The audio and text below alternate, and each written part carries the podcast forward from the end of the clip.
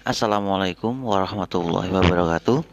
Selamat pagi, semoga keadaan kalian baik-baik saja pada pagi hari ini. Langsung saja untuk pertemuan pada pagi hari ini, eh, karena memang kondisi cuaca sedang tidak mendukung untuk melakukan eh, rekaman materi. Pada pagi hari ini, saya akan memberikan satu tugas dan dikumpulkan pada hari ini juga sampai dengan jam 2 untuk yang pertama sebutkan empat hal praktis yang mungkin dilakukan untuk mengembangkan kepribadian multikultural sejak dini. Sekali lagi, sebutkan empat hal praktis yang mungkin dilakukan untuk mengembangkan kepribadian multikultural sejak dini.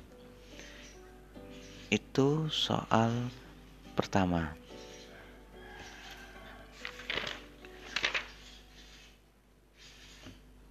Untuk soal kedua,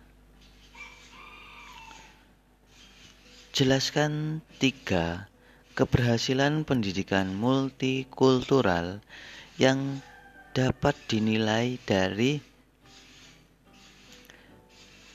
tumbuhnya sikap dan kemampuan. Sekali lagi, jelaskan tiga keberhasilan pendidikan multikultural